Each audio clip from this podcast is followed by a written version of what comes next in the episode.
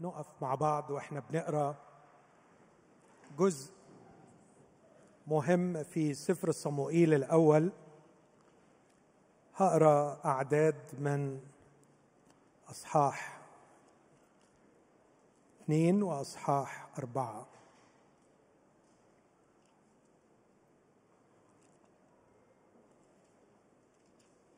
في أصحاح اثنين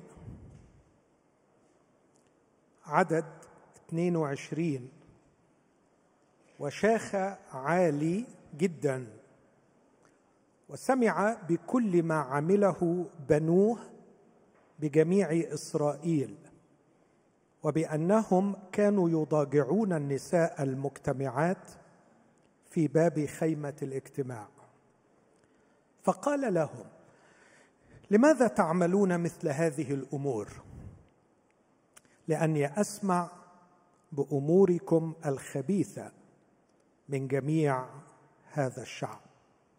لا يا بني لأنه ليس حسنا الخبر الذي أسمع. تجعلون شعب الرب يتعدون. الله أرسل رجل يحمل رسالة إلى عالي الكاهن. ومن ضمن الحديث اللي قاله له في نفس الأصحاح يقول له في عدد 29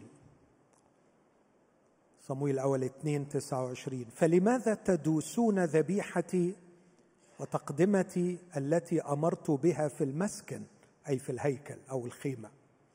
وتكرم بنيك علي لكي تسمنوا أنفسكم بأوائل كل تقديمات إسرائيل شعبي. لذلك يقول الرب إله إسرائيل إني قلت أن بيتك وبيت أبيك يسيرون أمامي إلى الأبد والآن يقول الرب حاش لي فإني أكرم الذين يكرمونني والذين يحتقرونني يصغرون. أصحاح أربعة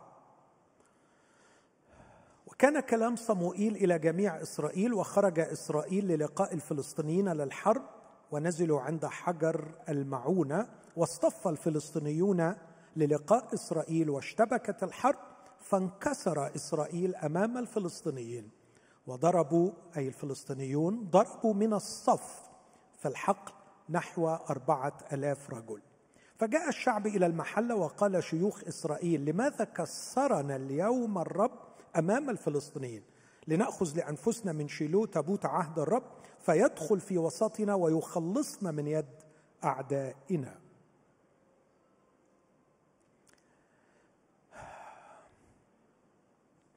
فأرسل الشعب إلى شيلو وحملوا من هناك تابوت عهد رب الجنود الجالس على الكروبيم وكان هناك أي عند التابوت حول التابوت ابنا عالي حفني وفنحاس مع تابوت عهد الله. النجاسة مع القداسة. وكان عند دخول تابوت عهد الرب إلى المحلة أن جميع إسرائيل هتفوا هتافا عظيما حتى ارتجت الأرض. فسمع الفلسطينيون صوت الهتاف فقالوا ما هو صوت هذا الهتاف العظيم في محلة العبرانيين؟ وعلموا أن تابوت الرب جاء إلى المحلة فخاف الفلسطينيون لأنهم قالوا قد جاء الله إلى المحلة. وقالوا ويل لنا. لأنه لم يكن مثل هذا منذ أمس ولا ما قبله. ويل لنا من ينقذنا من يد هؤلاء الآلهة القادرين. هؤلاء هم الآلهة الذين ضربوا مصر بجميع الضربات في البرية. تشددوا وكونوا رجالا أيها الفلسطينيون لئلا تستعبدوا للعبرانيين كما استعبدوا هم لكم. فكونوا رجالا وحاربوا. فحارب الفلسطينيون وانكسر إسرائيل وهربوا كل واحد إلى خيمته. وكانت الضربة عظيمة جدا.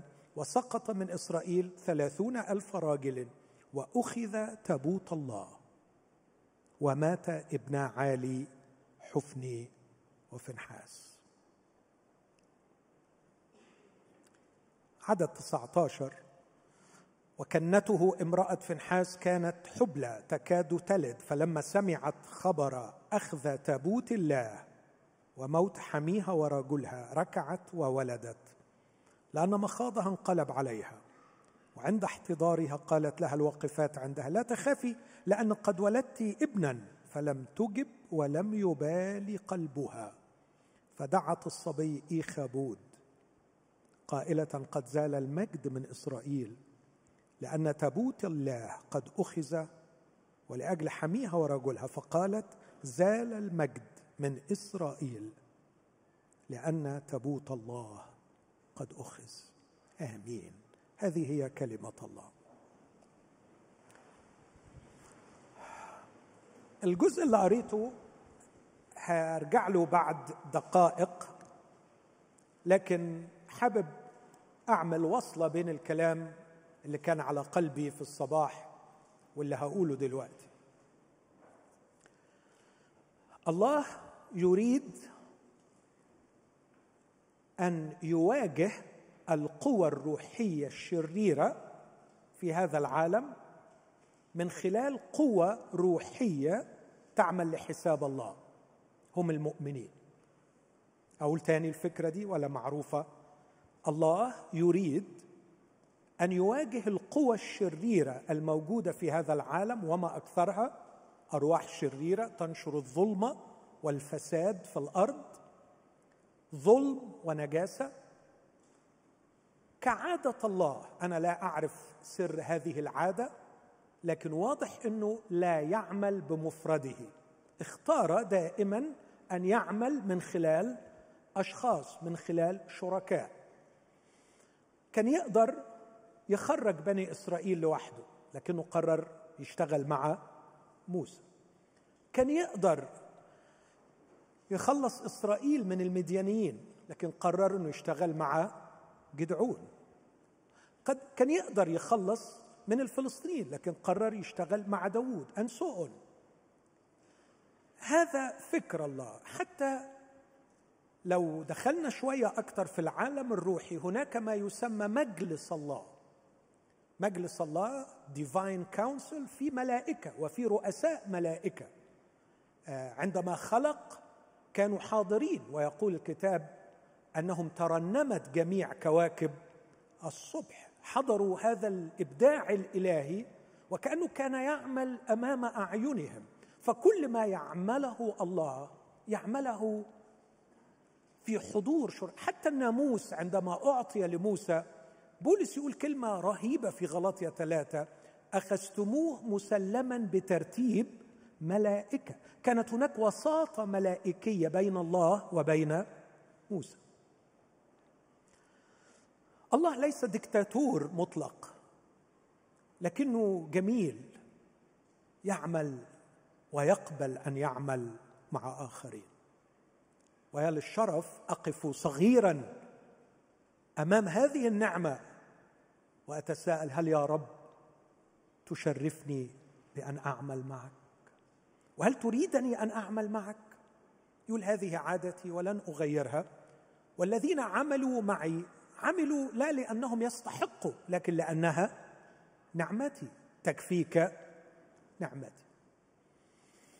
أرجع وأقول الله يريد أن يواجه القوى الروحية الشريرة الموجودة في الكون من خلال قوى روحية تعمل لحسابه وهذه القوى هي نحن.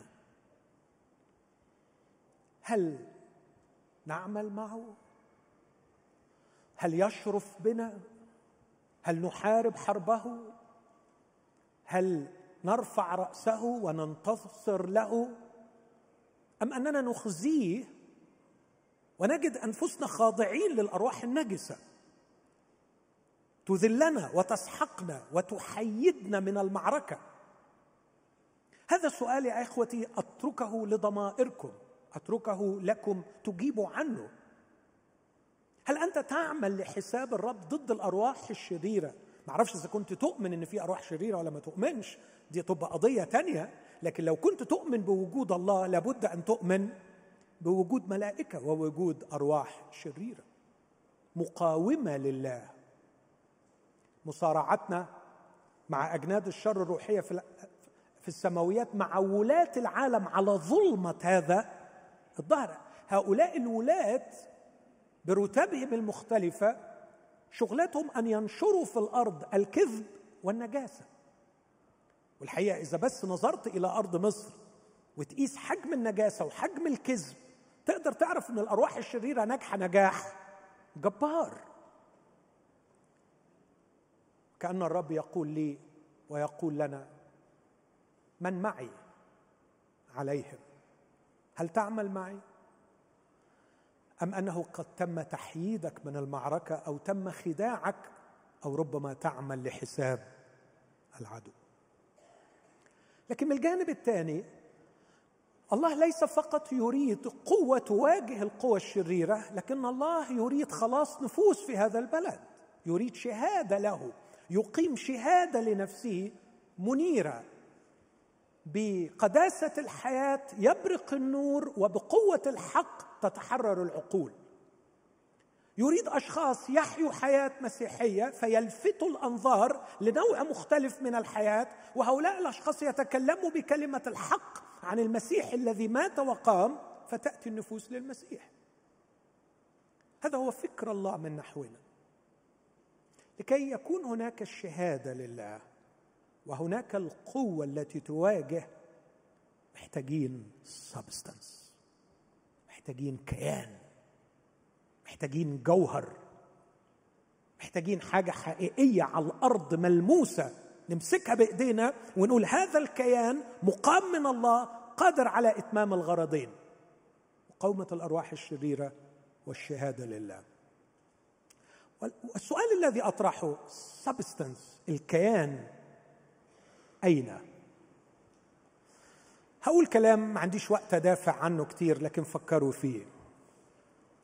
الكيان القوي القادر للشهادة لله ومهاجمة الأرواح الشريرة والانتصار عليها ليس في العقيدة لأنه من الممكن أن أشخاص يتكلمون بعقيدة صحيحة وحياتهم فاسدة وتابعين لإبليس. والكيان القوي ليس في العدد فمن الممكن أن تجتمع الألاف ويكون كيانا هشا هزيلا. لا يرعب روح شرير واحد. مهما أقسموا باسم يسوع كثيرون في ذلك اليوم سيقولون لي يا رب يا رب أليس باسمك؟ تنبأنا وباسمك أخرجنا شياطين وباسمك صنعنا قوات حينئذ نصرح لهم إني لم أعرفكم لم أعرفكم. اذهبوا عني يا فاعلي الإثم. كنتوا بتعملوا إثم. وانتوا بتنطقوا باسمي. كنتوا بتعملوا اثم وانتوا بتصلوا. كنتوا بتعملوا اثم وانتوا بتوعظوا. كنتوا بتعملوا اثم وانتوا بترنموا. كنتوا بتعملوا اثم وانتوا بتخدموا. اذهبوا عني. لا أعرفكم.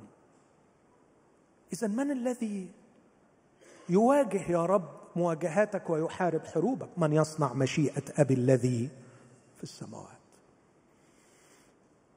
ليس كل من يقول لي يا رب يا رب يدخل ملكوت السماوات بل الذي يصنع مشيئة أبي. الذي في السماوات. هو الذي يكون جزء من مملكة الله التي تواجه الأرواح الشريرة وتشهد لله من أجل خلاص النفوس.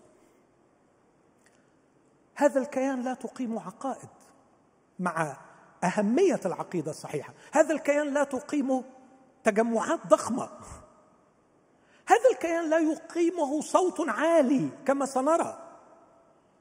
هذا الكيان يقيمه المجد. مجد الله الساكن في أشخاص. حضور تابوت الله. عن ماذا يتكلم التابوت؟ كان الرب يحضر. الرب اختار كنعان to be his sacred place. ما, ما تقدرش تفهم العهد القديم بدون فهم الحقيقة دي إن ربنا قرر يختار ليه مكان مقدس. وعشان كده نقى المكان من الأوثان. والأوثان هي ذبح وعبادة للشياطين. فكان لابد أن تطرد العبادة الوثنية ولو بالقوة.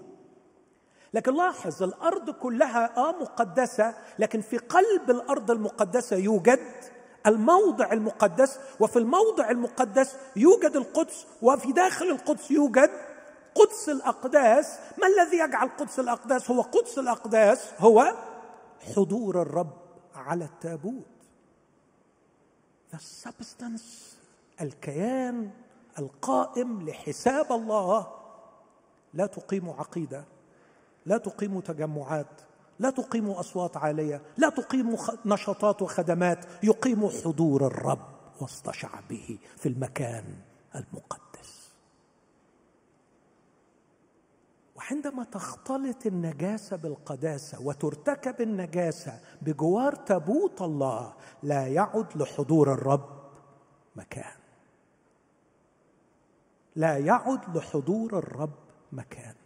عندما يكون حارس التابوت حارسي التابوت يضاجعون النساء في خيمة الاجتماع لابد أن مجد الرب يرحل. يرحل. ولا بد أن التقية ينقلب مخاضها عليها وتلد وتسمي ابنها إيخابود.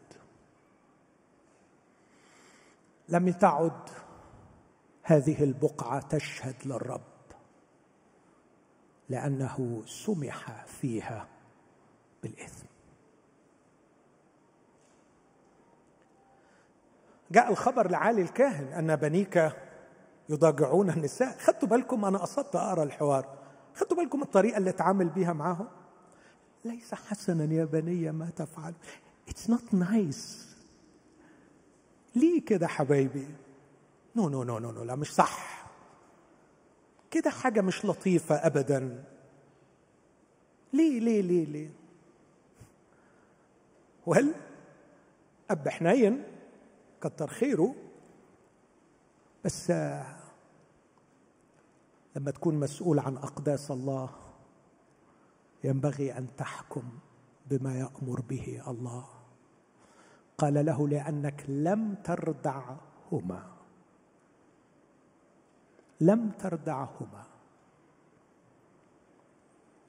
انتظر رحيل المجد.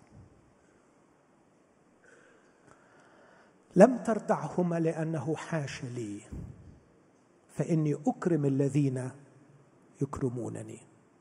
والذين يحتقرون لقد احتقرتني يا عالي. لا اسمع الكلمة الأخطر. وأكرمت بنيك علي. عملت خاطر لاولادك وما عملتليش أنا خاطر. رحل المجد.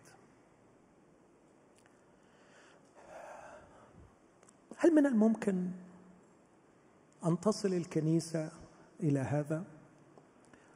أرجوكم يا اخوتي الأحباء واحدة من الواجبات الأساسية واحدة من الواجبات الأساسية على أي مؤمن يريد تلمذة روحية أن يقرأ تاريخ الكنيسة. لا يكفي أن تقرأ الكتب الروحية لا يكفي أن تقرأ التفاسير لكن ضع في منهجك في الفترة القادمة إنك لازم تقرأ كتاب أو أكثر عن تاريخ الكنيسة. أمين؟ أشوف أيادي كده بتشجعني شوية إن إحنا هنعمل الواجب. في كتاب هيصدر جديد لدكتور باركر اللي بيدرس تاريخ الكنيسة أنصح بقراءته وفي كتب أخرى كثيرة موجودة في المكتبة العربية. وعندما تقرأ تاريخ الكنيسة ستكتشف أنه على مر التاريخ لم تحرم الأرض من جماعة تستمتع بحضور الرب. لكن للأسف رحل عنها المجد. رحل عنها المجد. واحد من الأشخاص أنا طبعا لما هتكلم دلوقتي علشان الحساسية وال... فأتكلم عن بره بلاش أتكلم عن تاريخ الكنيسة في مصر. لكن مع إني درست تاريخ الكنيسة في مصر إلى حد ما وأرى نفس المبدأ ينطبق. لكن عندما أقرأ مثلا تاريخ إنجلترا في القرن السابع عشر كانت إنجلترا في حالة مزرية من كل النواحي. والديورانت يقول كانت مهيئة لثورة أكثر دموية من الثورة الفرنسية. كان الفقر والجهل والبؤس. أتذكر قصة قرأتها في وأنا في ثانوي اسمها ذا سيتادل تحكي عن بؤس الناس عن الفقر الشديد عن الجوع عن المرض. فساد الكنيسة فساد الرجال الدين. لكن في ذلك الوقت أقام الرب رجلا اسمه جون ويسلي. على نهاية هذا القرن كتب واحد من علماء التاريخ اسمه ووردز كتابا عنوان الكتاب England Before and After John Wesley England إنجلترا قبل جون ويسلي مهيئه لدمار سياسي وروحي ودمار من كل النواحي. وأفتر جون ويسلي صارت الإمبراطورية التي لا تغرب الشمس عن أملاكها. جون ويسلي أخرج الكتاب المقدس إلى الشوارع أخرج الإنجيل إلى الشوارع. كان عمال المناجم يصعدون من مناجبهم بسوادهم وبؤسهم وذلهم ويقفوا ساعات في الشارع في البرد يستمعون لرسالة الإنجيل. وينتهي الأمر بأن الدموع تسيل لتحفر خطوطا في سواد وجوههم وهم يسلمون حياتهم للمسيح. انتشرت النهضة في كل ربوع انجلترا بسبب جون ويسلي. هذا الرجل الأمين الذي خدم الرب خدمة كان ينام أربع ساعات في اليوم. خدم مئات الألاف من الخدمات. جون ويسلي أسس عملا عظيما والسؤال الذي أسأله إذا أتيحت لأي شخص الفرصة أن يقرأ فقط التاريخ ويقرأ ماذا فعل الله مع هذا الرجل سيدرك أن حضور الله كان ثقيلا وأن مجد الرب كان هناك. بس ما تنسوش إن أكثر تعليم كان يعلم به جون ويسلي هو عن القداسة القداسة التي بدونها لن يرى أحد الرب. أين خدمة جون ويسلي اليوم للأسف الكنيسة التي أسسها وتركها توافق على الزواج المثلي الآن توافق على كل أنواع الهرطقات. تركت الرب وتركت الكتاب وصارت خرائب ينعق فيها بوم الهرطقات وعيشة النجاسة. لقد زال المجد. أنا ممكن أحكي بقى زي الحكاية دي مش أقل من عشرين حكاية. من بره مصر ومن جوه مصر. الله لا يشمخ عليه. الله ما يضحكش عليه. القداسة التي بدونها لن يرى أحد. الرب. أين الجوهر؟ أين السبستنس؟ أين قوة الكيان؟ ليس في عقيدة. ليس في تجمع.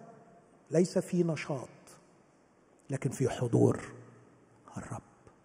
والرب لا يحضر. ببيتك تليق مش العقيدة ببيتك مش تليق الأعداد ببيتك تليق شيء واحد القداسة إلى مدى الأيام. ببيتك تليق القداسة يا رب إلى مدى الأيام. تتغير أشياء كثيرة لكن شيء واحد لا يتغير. حيث لا توجد القداسه لا يوجد حضور الرب.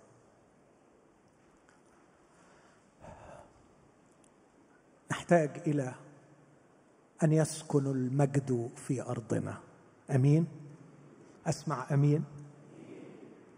كانت طلبه يشتهيها إسرائيل ليعود ويسكن المجد في أرضنا. أين يسكن المجد؟ لا يسكن في مباني لا يسكن في أنظمة لا يسكن في كيانات منظمات يسكن في أشخاص قدسوا أنفسهم لله. أمين؟ أين يسكن المجد إذا عاد وجاء إلى أرضنا؟ إنه يحتاج أشخاص رتبوا له مكانا فيهم. أعدوا المكان نظفوا الطريق وأعدوه. مرحبا أيها المجد عد إلينا. فإن أشخاصنا بعواطفها وعقولها وأجسادها الطاهرة تنتظر حضورك أيها المجد. تعال إلينا عد إلينا. فنحن بنعمتك جاهزين. لحضورك وعودتك. على قدر ما يكثر عدد المهيئين لسكن المجد على قدر ما يكون المجد ثقيلا في أرضنا وعلى قدر ما يستشعر تستشعر الأرواح الشريرة ويستشعر البعيدين حضور الله في وسطنا. المجد سبستانس المجد جوهر يخلق كيانا مجيدا في أولاد الله. وأنا إيماني ورجائي كبير في الرب وفيكم أحبائي. أن الرب يقيم شباب وشابات الرب يقيم رجال ونساء. أراهن بكل قلبي على شباب وشابات صغار يضعون أنفسهم بين يدي الرب. تقول له لأكن أنا لك يا رب أكون أنا لك يا رب. اخلق في هذا المجد مجدني مجدني. اخلق في هذا الكيان المجيد الذي تحل فيه وتحضر لأرضنا من خلاله. لماذا قل عدد هؤلاء؟ عنوان العظة اخترت اطلبوا المجد للمتعة لماذا؟ لأنه عندما لا نفهم هذه الحقيقة عندما لا نطلب المجد من الإله الواحد كما سمعنا من يسوع عندما لا نكون هؤلاء الذين يطلبون المجد والكرامة والبقاء كما علمنا بولس الرسول سنطلب مجدا بعضنا من بعض. وأنا أقدر بس مش عايز أضيع وقت أحلل شوية إنه كثير من علاقاتنا بعضنا ببعض كثير منها مزيف لأنه في الحقيقة نحن نطلب مجدا بعضنا من بعض. قدرني واقدرك اديني واديلك. شيلني واشيلك. يعني نوع من طلب المجد بعضنا من بعض. لكن الحقيقة يظل لدينا جوع عميق للمجد. فأشواقنا لم تشبع. وكما ذكر سي إس لويس بإبداع قال لا تستطيع هذه العلاقات أن تجسر أو تعبر الفجوة بين أشواقنا للقيمة والتقدير والمجد وبين الواقع الذي نعيشه وهنا يكمن سرنا الذي لا عزاء لنا فيه. هو بيقول كده. ده سر الإنسان. تعرف سر الإنسان يقصد إيه؟ لو من وجهة نظري يقصد إنك ممكن تحلل تصرفات الشخص بدءا من أبسط الأمور لما بيشتري حاجة بسيطة وإلى أكبر القرارات في حياته وتلاقيها ليها علاقة بأننا نطلب مجدا بعضنا من بعض. حلل القرارات حلل الاختيارات. هتلاقي مسألة القيمة والمجد حاضرة في كل شيء. لماذا هذا الشوق؟ قريت للويس إننا نحتاج لمجد الله لأننا خلقنا لهذا المجد. والمجد من الناس لن يشبعنا ولن يملأ هذا الفراغ. إحنا ديزايند إحنا مصممين على أن نمتلئ بمجد الله. وعندما لا نجد ما يشبع الفراغ ذكرت في الصباح وأكرر لا يبقى لنا حد فاكر قلت إلا المتعة. ما دام مش قادر آخد مجد من الناس مش قادر أحقق الوجود اللي نفسي فيه وآخد المجد اللي أنا بشتاق عليه من الناس أنسحب وأنكفئ ولا يبقى لي إلا المتعة. فأغرق في المتعة. خلوني اكد لكم الفكرة دي باكثر من كوت برضو أقرأ لسي إس لويس يقول هناك شيء غريب علينا أن نلحظه. أن الأشواق ركزوا معي في الكلام مهم ونافع لينا أحبائي. الأشواق التي تنبعث في قلوبنا حين نقع في الحب لأول مرة. فاكرة كنت مروحة إزاي؟ فاكر كنت مروح إزاي؟ مع خبرة الحب وأول لقاء الفكرة ما بتبقاش محصورة في المشاعر اللي حسها الولد أو البنت. لكن البعد أعمق في الأحلام اللي بتدور حول المستقبل. واو أخيرا أشواق لشيء عظيم. هذه بداية القصة. هو بيقول كده بيقول الأشواق التي تنبعث في قلوبنا حين نقع في الحب لأول مرة أو حين تأتينا فرصة السفر لبلد أجنبي طال اشتياقنا لزيارته. هروح الرحلة دي هروح الفسحة دي. فاكرين؟ مش الفرحة بتاعتها لكن حجم الخيالات والأفكار المرتبطة بالرحلة. أو عندما تأتينا فرصة دراسة لندرس شيئا اشتقنا كثيرا أن ندرسه. أتذكر هذا الأمر جيدا بالنسبة لي. لما جاتني فرصة وأنا سني خمسين سنة أن أخيرا هحقق رغبتي اللي أبويا منعني عنها من 30 سنة لما قلت له أدرس فلسفة وعلم نفس قال لي الهبل ده؟ طب يعني طب ما فيش هزار. بس أخيرا تحققت لي الفرصة لأدرس ما كنت أحلم به. فاكر كويس الشعور. لكن الشيء الغريب الذي نلحظه هكذا يقول سي إس لويس إنما هي لا تشبع هذه الأشواق بالزواج ممن تحب ولا بالسفر للبلد الذي حلمت ولا بالنجاح في العلم الذي درست. اسمع يقول إيه وهنا أنا لا أتكلم عن حظ سيء في الزواج جعل الزواج فاشلا. أو أن الرحلة لهذه البلد لم تكن موفقة. أو أن العلم الذي تعبت وتعلمت لم يوفقك لوظيفة جيدة. كلا. يقول لويس أنا أتحدث عن أنجح الزيجات وأجمل الرحلات وأفضل الوظائف. لكن يبقى أنها لا تستطيع أن تشبع الأشواق. لا تستطيع أن تشبع الأشواق التي بعثتها فينا في البداية. هناك شيء ما هرب منا بعد أن تحقق ما حلمنا به. فكر في العبارة دي.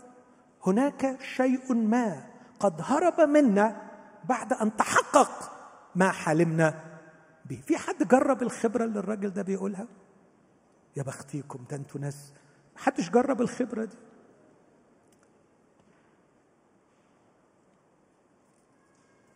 لذلك. حين أجد في نفسي شوقا لا يمكن لخبرة ما في هذا العالم أن تشبعه. يكون التفسير الأكثر احتمالا هو أنني خلقت لعالم آخر. عندما أجد نفسي وأجد في نفسي شوقا لا تستطيع خبرة ما في هذا العالم أن تشبعه فالتفسير الأكثر احتمالا أنني خلقت لعالم آخر. جاء يسوع يكلمنا عن العالم الآخر. وعندما أقول الآخر لا أقول الآخر. في فرق بين الآخر والآخر. لا أتكلم عن العالم الآخر اللي بعد. لا العالم الآخر الموجود حاليا. نحن خلقنا لعالم آخر. نندمج فيه بأرواحنا نحارب فيه حروبنا ننجز فيه إنجازاتنا نحقق فيه مشيئة الله لتكن مشيئتك كما في السماء في العالم الآخر على الأرض. ساعتها بتشبع أشواقي. ساعتها بحس بقيمتي. ساعتها بتغير من مجد إلى مجد. ساعتها ممكن أكون في قرية حقيرة أعاني معاناة شديدة لكن أفعل مشيئة الله فأشعر بقيمة وجودي عن أن أكون على أحد جبال سويسرا أستمتع بأفضل المناظر بعيدا عن مشيئة الله. طبعا لو ربنا كرمك على جبال سويسرا ومشيئة الله يعني it's okay okay. لكن أعرف اناسا غنوا لله وهم في السجون. قال واحد منهم يا سجن صرت جنة من هيبة الرحمن. السجن صار جنة من هيبة حضور الرحمن. وقال آخر فالسجن يمسي به روضا. روضا يعني جنة. محاسنه تسبي وتزري سنا بالشمس والقمر. يعني السجن يبقى بحضور الرب. جنة يزدري بالشمس والقمر.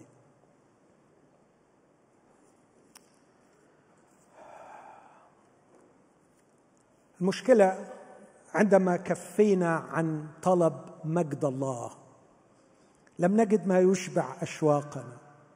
وجربنا الخبرات المقدسة الخبرات الشرعية الخبرات الصحيحة من زواج ناجح من وظيفة ناجحة من حك يعني أشياء رائعة حلوة ما فشلتش بس مش قادرة تملى الفراغ.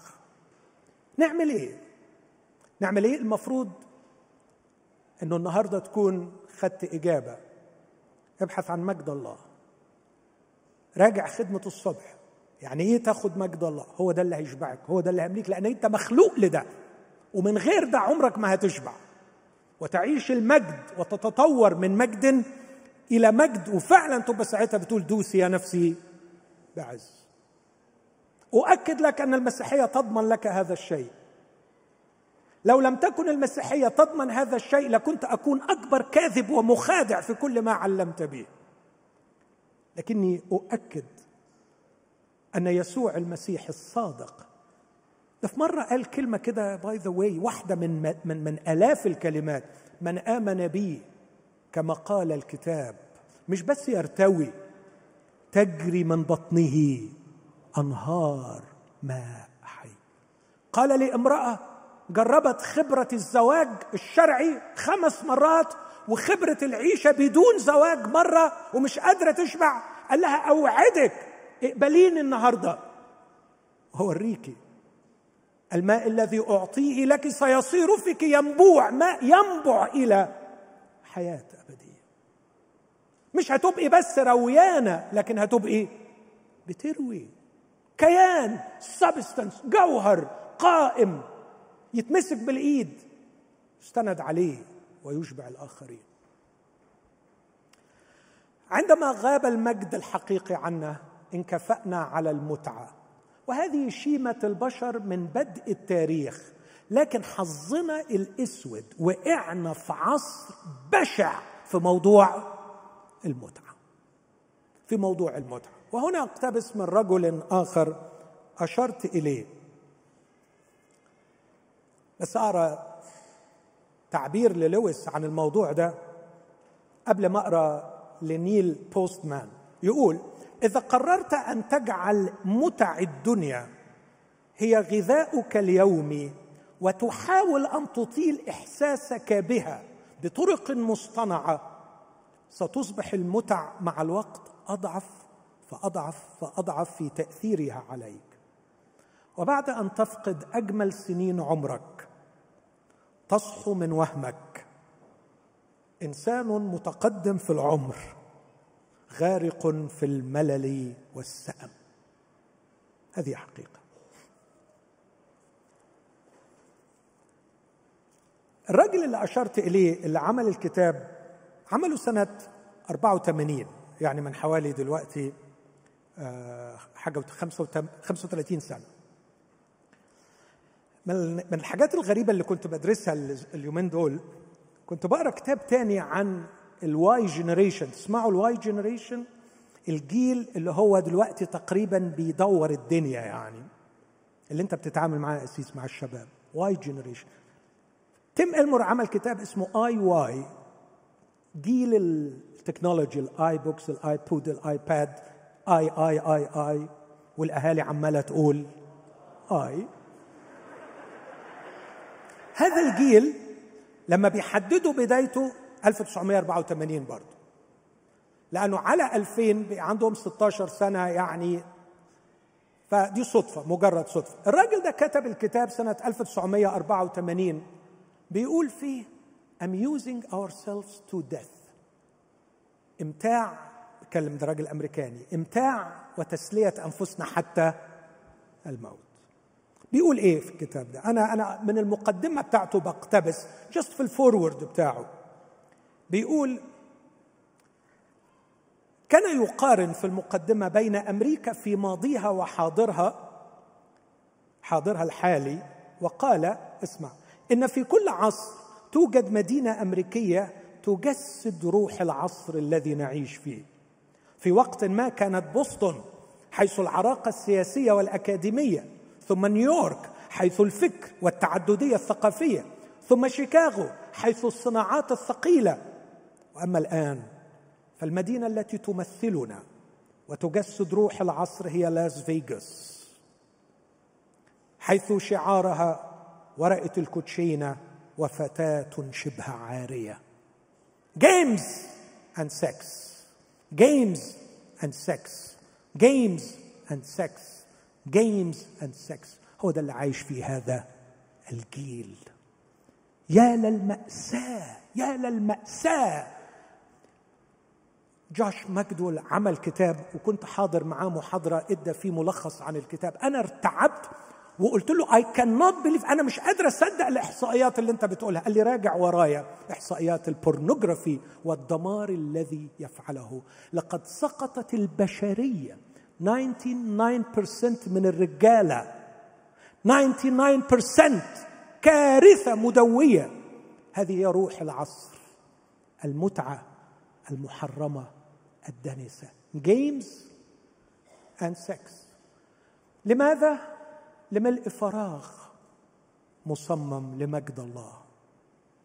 لكن عندما غاب المجد لم تبقى إلا المتعة.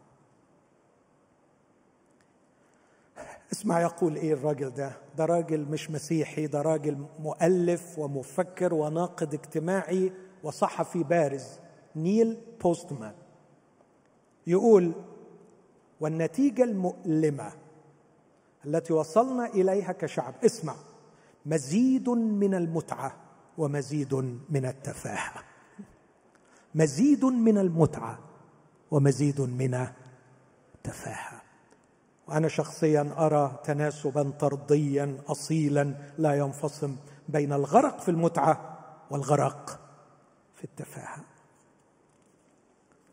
رافي زكرياس علق على هذا الكتاب فقال في هذا الكتاب وده الأساس اللي بيعمله الراجل ده يحاج بوستمان أن هاكسلي على حق وليس اورول هوضح لكم إيه حكاية هاكسلي واورول دي.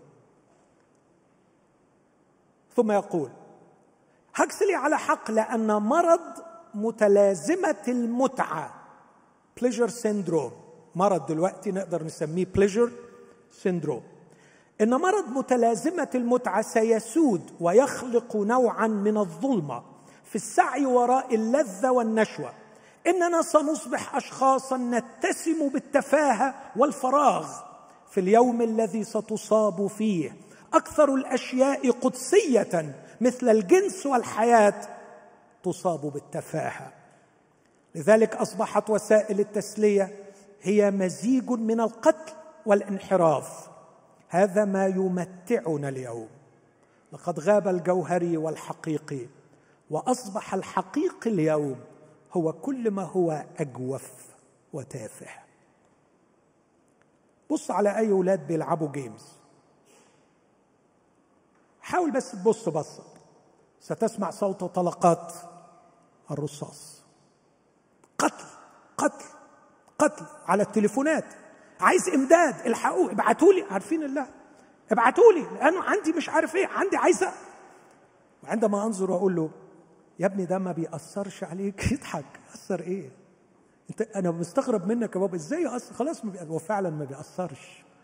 لقد وصلوا إلى حالة من ال tolerance للعنف والتفاهة وكل ما هو كذب وأجوف لدرجة تحتاج إلى رحمة الله. إيه بقى حكاية اورول وهاكسلي؟ اورول جورج اورول كاتب مشهور كتب سنة 48 كتاب سنة 48 كتاب قصة سماها 1984 وكان يتنبأ فيها عن مستقبل العالم 1984 وجورج أورويل اللي عمل مزرعة الحيوانات اللي بعضكم شافها أو أراها كان راجل ضد الشيوعية وضد الاشتراكية بشكل مبالغ فيه يعني كان ناقم على النظام الشيوعي ويرى مساوئه. فكتب كتاب يقول إنه مستقبل العالم هيبقى أسود بسبب الشيوعية والاشتراكية. ما أعتقدش إنه كان يتوقع إنه هينهار بهذه السهولة. هو قال 84 هيبقى في كان 84 طلع جورباتشوف وبعد خمس سنين راحت الشيوعية. لكن بعدين بفترة كتب ألدوس هاكسلي كتاب تاني بيتنبأ فيه عن مستقبل العالم والحقيقة طلعت تنبؤات هاكسلي هي الصحيحة. فأقرأ لكم ده كان بيتوقع إيه وده كان بيتوقع إيه. أورول خاف من حظر الكتب من قبل الحكومات. كان بيقول أنا خايف يجي يوم الحكومات تعمل إيه؟ تحظر الكتب. أنتوا هتلاقي عندنا هنا الاثنين المأساة يعني في بلدنا. فهو بيقول جورج أورويل بيقول أنا خايف إنه يجي يوم على البشر الحكومات تحظر عليهم قراءة الكتب. أما هكسلي فخاف أن لا يكون هناك أي احتياج لحظر الكتب لأنه لن يكون هناك من يرغب في أن يقرأ.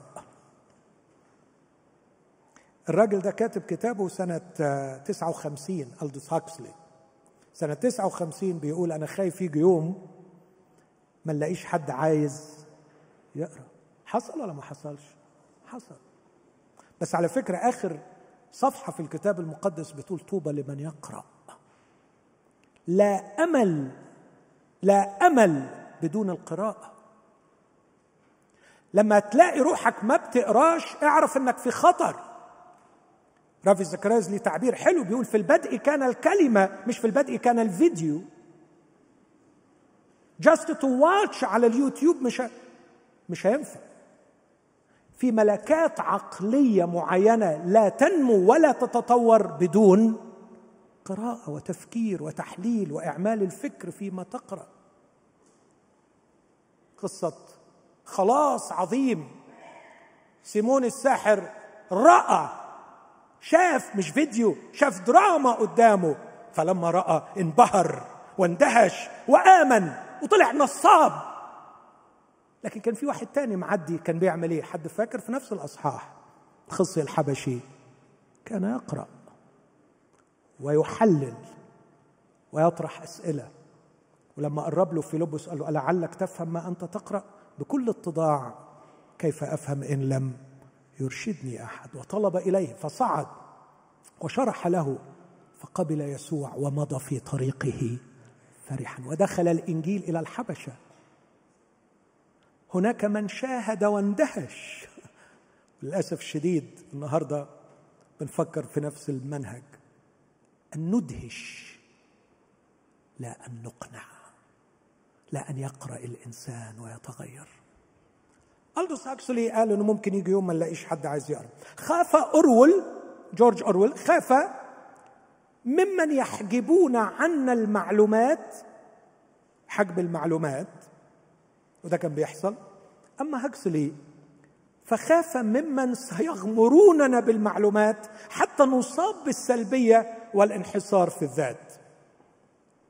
وده اللي حصل.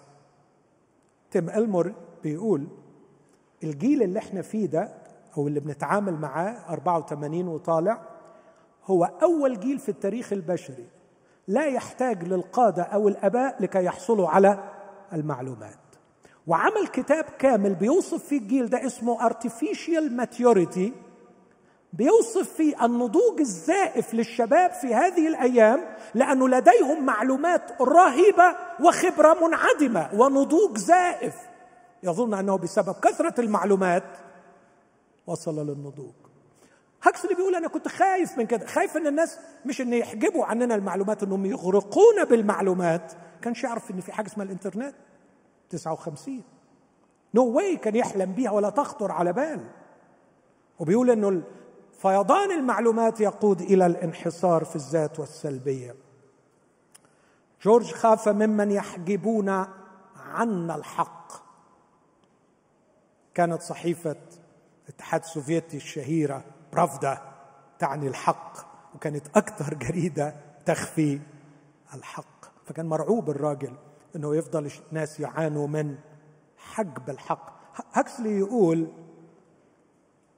خاف أن يذوب الحق في بحر عدم الجدوى. 1975 بدأ البوست مودرنزم ما بعد الحداثة وأول شيء ضربوا فيه لا يوجد حق مطلق. الحق نسبي. ما هو حق لك؟ ليس بالضرورة. حق لي. قبليها بعشرين سنة اتسمت post-Christian era فترة ما بعد الحق المسيحي. postmodernism الحق نسبي. تعرف 2016 قاموس اوكسفورد نزل تعبير جديد معترف به post-truth era يعني ما فيش حاجة من الأصل اسمها حق. يعني مش نسبي. لا خلاص. ما فيش حق. ما دورش على الحق. دور على what makes you feel good. على الحاجة اللي تبسطك. اوعى تدور على صح وغلط. توجعش دماغك في الكلام ده. وإحنا مخطوبين آه، انام معاها ولا ما ينفعش؟ ما الدنيا. ما فيش صح وغلط. المهم انت هتتبسط ولا مش هتتبسط؟ مش أنتوا الاثنين مبسوطين؟ خلاص يا أخي. وبعدين بقى نتعك إحنا في العلاج بعد كده. نتعك إحنا في العلاج بعد كده. لما نشوف البلاوي بقى. مش انت بتتبسط مش بتتبسطي؟ لما لما بتدخل على المواقع دي مش بتتبسط؟ خلاص ما تربكش روحك. ما فيش صح وغلط. ما فيش تروث ما فيش حق. في اللي بتحس بيه اعمله. دمار للكائن البشري. خاف جورج من أن نصبح اسمع ثقافة مستعبدة. كله بيكتب في إطار الخوف من الشيوعيه أما هكسلي فخاف أن نصبح ثقافة تافهة. ثقافة تافهة. إيه أكتر أفلام بتتشاف في مصر؟ مين أفضل مين نمبر وان في مصر؟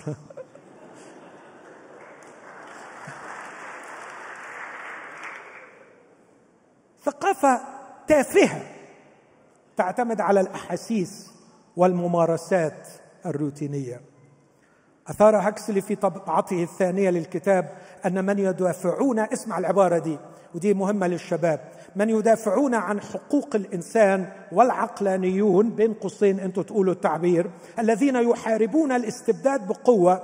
هكسلي بيقول كده وهكسلي ده كان أكثر واحد متهور. مرة قريت له كان بينادي بانهم يعطوا الحشيش وهو برضه رغبته دلوقتي قال لك ليتعاطوا المخدرات لعلنا نجد أنفسنا تحت تأثير المخدرات ما إحنا مش عارفين نلاقيها من غير مخدرات. هاكسلي بيقول الذين يحاربون الاستبداد وحقوق وينادون بحقوق الإنسان والعقلانيون لا يدركون شراهة الإنسان غير المحدودة للعوامل التي تشتت انتباههم. أعتقد إنه كلام وودي ألن يأكد الفكرة دي. في رواية 84 كان التحكم في الناس يتم من خلال الألم. وأما في رواية Brave New World بتاعة بوستمان فالتحكم في الناس يتم من خلال المتعة. كان الشيوعيون يتحكمون في الناس من خلال الضغط والقهر. النهارده التحكم في الناس من خلال بيحركوك زي عرايس الماريونات بالمتعة. مش محتاجين يذلوك مش محتاجين يقهروك. هم بيمتعوك فيمتلكوك. وانت بغباء مستسلم. ولا تصرخ طالبا مجدك وكرامتك وقيمتك. لا تصرخ طالبا كيانك إلا الله خلقك من اجله على صورة الله خلقه ذكرا وأنثى خلقهما. يتحكمون من خلال المتعة. باختصار اسمع العبارة الخطيرة دي. خاف جورج اورول من, من أن يدمرنا ما نكرهه. أما هكسلي فخاف أن يدمرنا ما نحبه وما نستمتع به. اليوم ما يدمر الشباب ليس ما يكرهونه لكن ما يحبونه ألا تشعروا معي بعمل إبليس يا أحبائي. كيف وصل هذا المجرم إلى هذه الخلطة الجبارة أن ينجح في تدمير الإنسان وإهلاكه من خلال إعطائه ما يمتعه مجرم؟ مجرم. بس تعرفوا ليه مجرم؟ عشان ما لقيش رجالة تقف له عشان ما لقيش حد يقف له علشان أقول لك على حاجة خطيرة وده شيء مخزي عايز أقف قدامه دقيقة. في كل عصر كانت الكنيسة قوية بقدر ما لا تخضع لروح العصر. مفهوم قصدي؟ كل عصر له روحه. بولس يقول عنه في أفسس اثنين كنا خاضعين أموات سلكنا حسب دهر هذا العالم حسب روح العصر البير بريشر في ثقافة معينة للعصر. في كل عصر كانت الكنيسة تقاس قوتها بقدر صمودها أمام روح العصر. تعرف إيه اللي حصل في عصرنا؟ الكنيسة تبنت روح العصر. فأصبحت ما أسميه كنيسة النشوة بدلا من كنيسة التقوى. بدل ما تكون الكنيسة التي تقوم في حياتها على تقوى الرب ومخافته بالبزنس كله بتاع العمل الروحي أن نقدم للناس نشوة. وهذا ما يقدمه العالم. بس فيري ايزي إبليس ما عندوش مشكلة ابدا إن النشوة بتاعتك تكون نشوة مسيحية. بس المهم إنها في الآخر أن تعيش حالة النشوة واركن على جنب حالة التقوى. هل في شخص بيسمعني فاهم اللي أنا بقوله؟ هل تحس إنه إحنا بنميل بشدة لكل ما يجعلنا ننتشي بدلا ممن يجعلنا نتقي ونخشى الرب؟ تعرف التجسد والكنيسة بيقوموا على إيه؟ اسمع العبارة دي بالإجماع عظيم هو سر التقوى. الله ظهر في الجسد. قبليها يقول كنيسة الله عمود الحق وقاعدته وبالإجماع عظيم هو سر التقوى. إن وجود يسوع على الأرض ووجود الكنيسة على الأرض تجسد التقوى. وبدون التقوى لا شهادة لله. أختم واقول دراسة التاريخ تقول عندما غابت الشخصيات التي يمكن أن يستقر فيها المجد زال المجد. قصة عالي الكاهن وأولاده قصة مؤلمة للغاية. لكن حابب تبصوا معايا بس في صموئيل الأول أصحاح اثنين. واضح ما فيش داعي أزعجكم تاني بقراءة كانوا بيعملوا إيه أولاد عالي لكن بيبحثوا عن ال pleasure pleasure في الأكل pleasure في الجنس. في أمور الله وداخل هيكل الله. لكن في اصحاح ثلاثة لو تجيب لنا من فضلك اصحاح ثلاثة. كان الصبي صموئيل يخدم الرب أمام عالي وكانت بصوا العبارة اللي جاية دي. كانت كلمة الرب إيه؟ عزيزة في تلك يعني إيه عزيزة؟ يعني قليلة. وبعدين يقول لم تكن رؤيا كثيره كثيرا. وكان في ذلك الزمان إذ كان عالي مضطجعا في مكانه وعيناه ابتدأتا تضعفان لم يقدر أن يبصر بص العدد ثلاثة مرعب. وقبل أن ينطفئ سراج الله. محزنة العبارة دي مش كده؟ لاحظ إرهاصات زوال المجد. يعني إيه ارهاصات يعني بوادر علامات قرب زوال المجد. ثلاث حاجات. الحاجة الأولى نجاسة في الأقداس. الحاجة الثانية كلمة الرب. مفيش طعام. مفيش حديث من الرب. الحاجة الثالثه سراج الله كاد أن ينطق. ما هو سراج الله؟ سراج الله قالها يسوع؟ أنتم نور العالم. من هو سراج الله في الأرض النهارده؟ مؤمنين. عندما يدهس المؤمنون بروح العصر أين؟ بيعملوا اللي بيعملوه الناس بره بيعملوا اللي بيعملوه الناس. الناس بتتحرش بره ها؟ هيصل اليومين دول علشان في واحد تحرش. طب في تحرش في الكنائس ولا ما فيش؟ سكتوا. لا لو سكتوا أزعل منكم قوي قوي قوي آه في تحرش. بقولها على الملا. محتاجين نفوق. وعيب قوي إنه بره تتخذ قرارات صارمة وجوه ما تتخذش.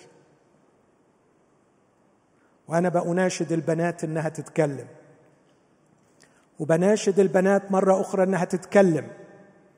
لإيقاف الشر لئلا يأتي القضاء ويزول المجد. عندما يغيب الصوت النبوي وعندما تضعف الشهادة وعندما ترتكب النجاسة في القدس هذه هي ارهاصات رحيل التابوت وزوال المجد. للأسف بقى بني إسرائيل تعرف عملوا إيه؟ استعاضوا عن بدل ما يتوبوا راحوا عملوا صوت عالي. خدتوا بالكم الأصحاح اللي قريته؟ أصحاح أربعة. شايفين الكسرة شايفين الخيبة شايفين إنه إنه في مصيبة حاصلة. استعاضوا عن التوبة والعودة للقداسة بإيه؟ نهتف. اهتفوا. وهتفوا. حد ركز في القراية؟ الهتاف بتاعهم عمل إيه في الأرض. عمل زلزال.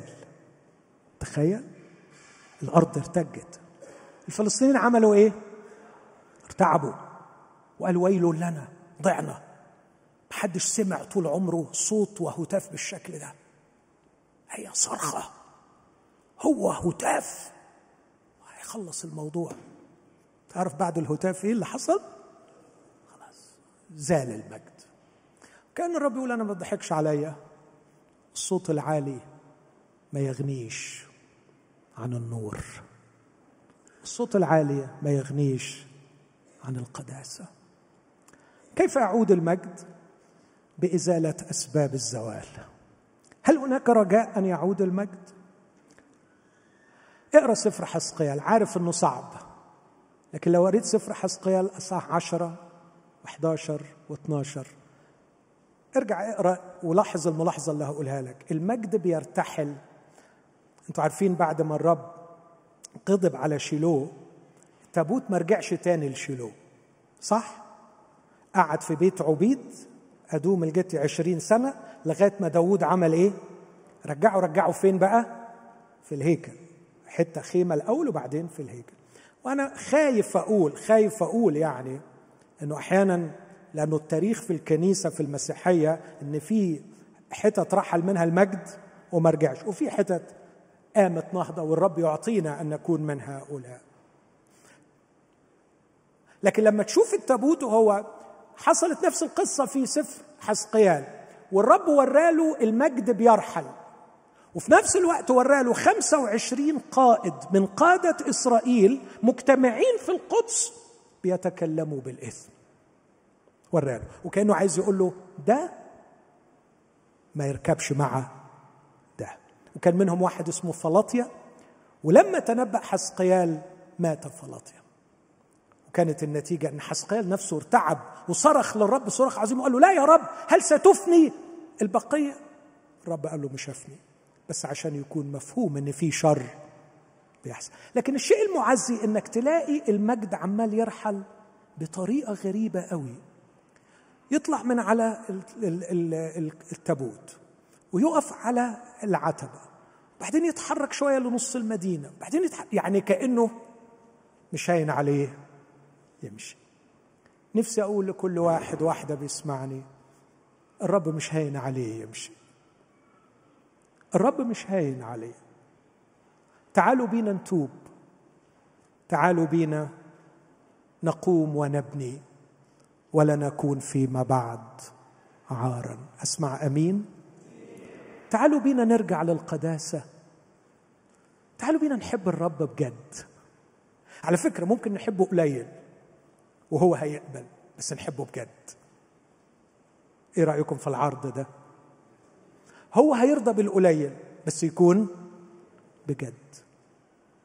هو قابل إيمان حتى مثل حبة بس بجد. بلاش نعمل هيصة كبيرة وإحنا حجمنا. قليل بلاش to pretend بلاش تعطي انطباع أكبر من الحقيقة. بلاش تقول كلام أنت مش عايشه. بلاش تدي انطباع للآخرين بعيد عن الواقع اللي في الخفاء في أوضتك اللي ربنا شايفه. عيب عيب. دي مش أخلاق. قول قدام الجميع أنا ضعيف أنا واقع. والرب يرفعك فوق الكل. المجد لا يريد أن يرحل. لكن الرب يريد توبة. وفي مرات كثيره حصلت إذا تواضع شعبي ورجعوا عن طرقهم الرديئة. وطلبوا وجهي فإني من السماء أسمع وأغفر خطياتهم وأبرئ أرضهم. تعرف سفر حسخيال انتهى زي ما قلت في الاجتماع اللي فات؟ أجمل كلمة يهوى شمة يعني الرب هناك. كل من يسمع اسم المدينة يقول آه المدينة اللي الرب إيه؟ فيها. كل اللي يقابلك ويشوفك ويتعرف عليك يقول أيوه اللي أنا بتقابل مع ربنا فيه. تحب كده؟ تحب إن كل اللي يشوفك ما يقولش دمك خفيف أو ذكي أو موهوب لكن يقول تلامست مع الرب في هذا الشخص. يهوى شمة. الرب هناك. تحب تخلي عنوان الرب أنت؟ فيتقال عن الرب إنه هناك يقصدوا بيه أنت؟ مين يحب معايا كده؟ أنا أول واحد مشتاق. قوموا معايا نقول له ليكن عنوانك عندي. ليكن منزلك فيا. خلونا نصلي بإخلاص. طالبين وعده. من يحفظ كلامي أنا أحبه. من يحفظ كلامي أنا أحبه. وأبي يحبه. وإليه نأتي. وعنده نصنع منزلا. عنوان يسوع الجديد. يبقى أنا. قولي له يا رب هل معقول أحظى بهذا الشرف؟ آه كلمة مهمة قبل ما ما أخلص. طب ولما يحصل الكلام ده كله هيبقى فيه متعة ولا ما فيش؟ واو. مش عارف أوصف لك بقى. مش عارف أوصفها لك. كأني بتوصف اللون الأصفر لواحد أعمى. مش فاهم. لكن أؤكد لك عندما يحل الرب ستحظى بهذه المتعة التي ليست من هذا العالم. ستحظى بشيء لم تختبره قط. لا في أكل ولا جنس ولا فلوس ولا ملك ولا فسح ولا أي شيء. أمامك شبع سرور في يمينك نعم. بعض الترجمات تترجمها pleasures في يمينك لذات إلى الأبد. تعال. تعالي قول هعبر الحاجز. هعدي السور. هخلع رداء ثقافة تدمر بالمتعة. واجي ليسوع ألبس المجد رداء ويكون المجد في جوهرا. أصبح من الداخل ثقيلا ومن الخارج مشعا. فكل من يراني يمجد أبي الذي في السماوات. احلم احلم النهارده واطلب وأنا متأكد إن روح الله سيصنع عجائب وعظائم لأنها طلبات بحسب مشيئته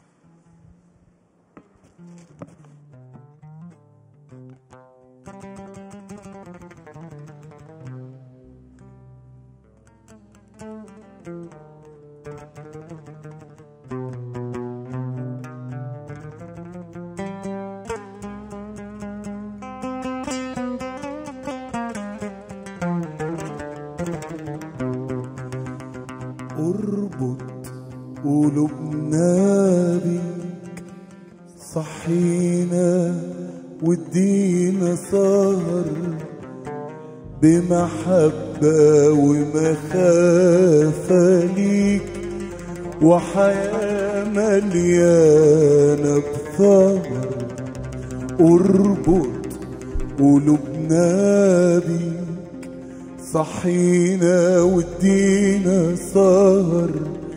بمحبة ومخافة ليك وحياة مليانة بثمر بكفانا العمر اللي ضاع وقلوبنا غايبة عنك فعيشة جلبت أوجاع جايلك بيها نقول لك كفانا العمر اللي ضاع ونفوسنا تايهة عنك فعيشة قلبت جاي لك بيها نقول لك اربط قلوبنا بيك صحينا وادينا سهر بمحبة ومخافة ليك. وحياة مليانة بثمر. ريحة العالم في تيابنا من دنس النفس في أجساد لم تخضع لك فتعبنا واليوم جه والقلب أراد.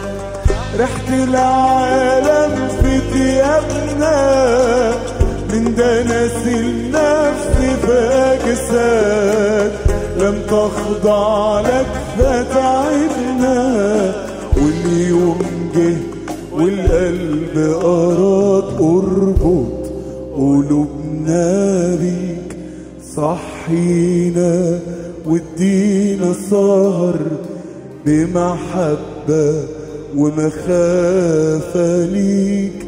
وحياة مليانة بثمر. كانت الرسالة طويلة وصعبة عليك. صلي معايا الآيات دي واعتبرها دي رسالة الرب ليكي وليك اللي كلنا نروح بيها. بطرس الأولى أصحاح أربعة من عدد واحد. هقرأ من النص الثاني من العدد الأول.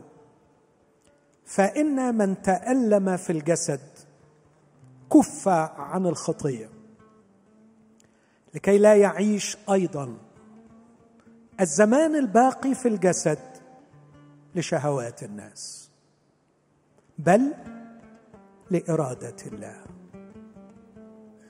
أنا هصلي وأقول له يا رب أنا ما أعرفش الزمان اللي باقي لي في الدنيا قد إيه لكن أعني بنعمتك إني لا أعيش لشهوات الناس لكن لإرادة الله. كلما أعيش لشهوات الناس سأهوي سأخسر سأظلم سيزداد قبحي. لكن اليوم تعلمت أني كلما أعيش لإرادة الله سأكون يسوعيا أكثر سأشبه حبيبي أكثر. فإن حبيبي جوهره نزل من السماء ليعمل لا مشيئته بل مشيئة الله. عدد ثلاثة. اقرأ معايا وخلي روح الله يذكرك بالماضي. لأن زمان الحياة الذي مضى يكفينا كفاية. لنكون قد عملنا إرادة الأمم. سالكين في الدعارة والشهوات وإدمان الخمر والبطر والمنادمات وعبادة الأوثان المحرمة. يكفي. يكفي الزمان الذي مضى. اليوم لن أعود لمثل هذه الحماقات. وعندما لا أعود الأمر الذي فيه يستغربون. هتبقى غريب وسط الناس لكن يا لفخرك يستغربون أنكم لستم ترقدون معهم. فعلا بيرقدوا. بيجروا جري. متوترين في البحث عن متعة جديدة وحفلة جديدة. وجيم جديد وجنس جديد. ترقدون معهم إلى فيض هذه الخلاعة عينها. مجدفين لكن اسمع نهايتهم. الذين سوف يعطون حسابا. مش سيبة في خط نهاية في وقفة قدام الذي هو على استعداد أن يدين الأحياء والأموات. آمين. خلينا أقدر ابوتك وفديتك بروح خشوع واسجد بحمد نعمتك ومحبتك لينا في يسوع. خلينا اعيش عمري اللي باقي على الأرض ليك. يكفى اللي ضاع من بين ايديا وأنا اسمي ليك خلينا اعيش عمري اللي باقي على الأرض ليك يكفى اللي ضاع من بين ايديا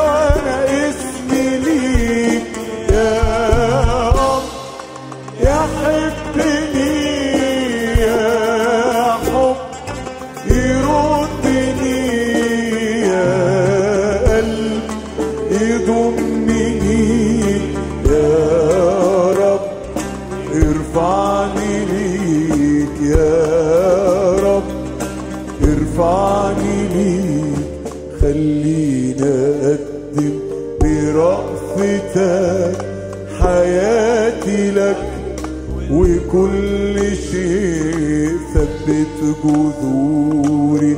كرنتك نقيني بالحق المضيء خلينا أكون غصن في مسيحي مليان ثمار أشهد بروحك وبكلامك